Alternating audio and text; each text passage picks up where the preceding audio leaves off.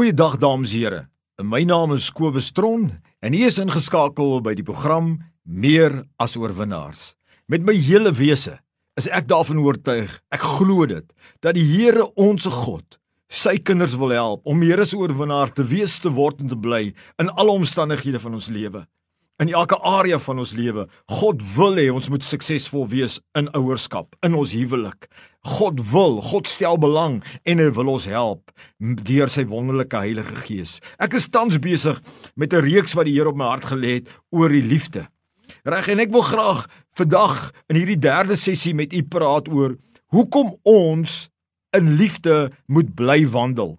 Hoekom sê God ons moet in liefde wandel. Wat is God se bedoeling agter dit? Wat is die bedoeling om liefde in aksie te hê, om 'n liefdevolle gedrag te openbaar? Wat sit agter dit? My liewe vriend, altyd moet jy weet, wanneer God 'n beginsel gee, gee hy dit omdat hy die mens 'n riglyn wil gee wat die beste vir ons is. Hy wil 'n klomp lelike dinge daardeur voorkom, want hy is die liefde self en hy is die wysheid self. So wanneer God sê ons moet in liefde wandel teenoor ons eh, lewensmaat, teenoor ons kinders, teenoor ons bure, by die werk, eh, teenoor ons kollegas en kliënte, dan het God net 'n goeie bedoeling. Dan het weet hy jy gaan skoor daardeur. Hy weet Dit gaan vir jou help en dit gaan vir alle ander mense rondom julle help. Ek is oortuig daarvan dat die band van die liefde, die wandel van liefde, een van die grootste sleutels is om ware langdurige sukses en geluk in 'n mens se lewe te hê in elke area van jou lewe. So as jy vir my vra hoekom liefde, dan sê ek vir jou dit gaan jou help in jou huwelik. En dit gaan vir jou help in jou werk en dit gaan vir jou help in jou ouerskap en dit gaan vir jou help met jou vriende en dit gaan jou help om in die gemeenskap saam te lewe. God is liefde. Liefde in aksie is goedheid in manifestasie. Liefde in aksie, goedheid in manifestasie het 'n goeie rede. God het 'n goeie rede hoekom hy dit vir ons sê. Dit is die mees belangrikste ding. Maar kom ons gaan oor en ons kyk 'n bietjie meer na die praktyk van hoekom God wil hê ons moet in liefde wandel. Want Dit sal help om 'n einde te bring aan alle forme van hartseer, pyn en verwoesting op aarde. Ek wil hê jy moet dit weet. Kom ons vat hierdie voorbeeld.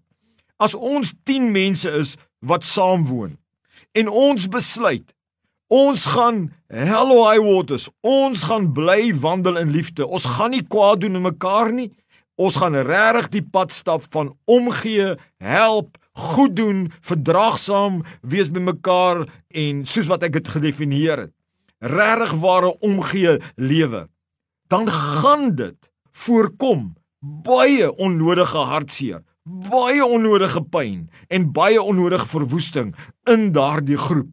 As een van ons uit liefde uitwandel en begin kwaad doen teenoor mekaar, dan aktiveer ons 'n vorm van hartseer. Ons aktiveer 'n vorm van pyn. Ons aktiveer 'n vorm van verwoesting en 'n teenreaksie van ander mense. Onthou dit altyd, my liewe vriend. Daarom is dit een van die hoofredes waarom ek strewe om in liefde te bly en ander aan te raai om liefde te bly, want ons help om enige vorm van hartseer, pyn, verwoesting op aarde te elimineer, te voorkom deur te doen. 'n Aarde met 'n mensdom vol liefde sal wees 'n aarde met 'n mensdom wat daar baie baie minder hartseer is, baie minder pyn is en baie minder verwoesting. Die meeste forme van hartseer en pyn en verwoesting wat plaasvind op aarde is as gevolg van liefdelose gedrag, selfsugtige, verwoestende,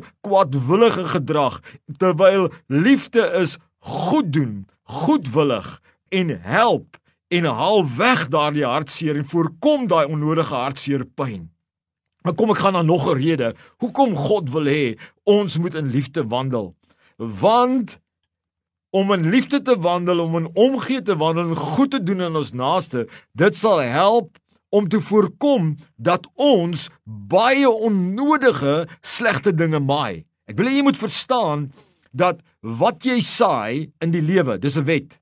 Reg Galasiërs 5 spelle duidelikheid. Wat jy saai, sal jy maai. God laat hom nie bespot nie. Ons het al baie hieroor gepraat.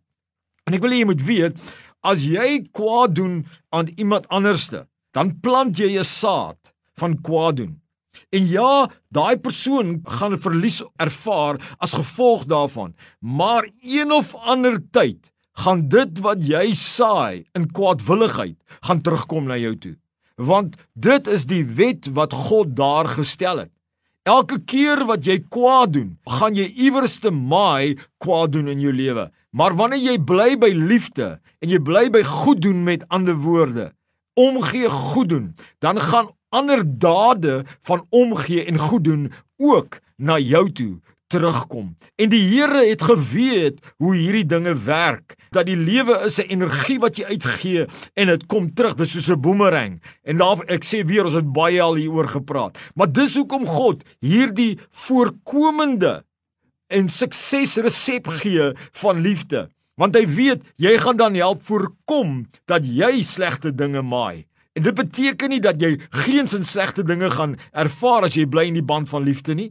Nee, want daar's ander mense wat nie in die band van liefde woon nie en waarvan jy sekere dinge kan ervaar, maar jy gaan dit nie onnodig aktiveer op jou lewe nie.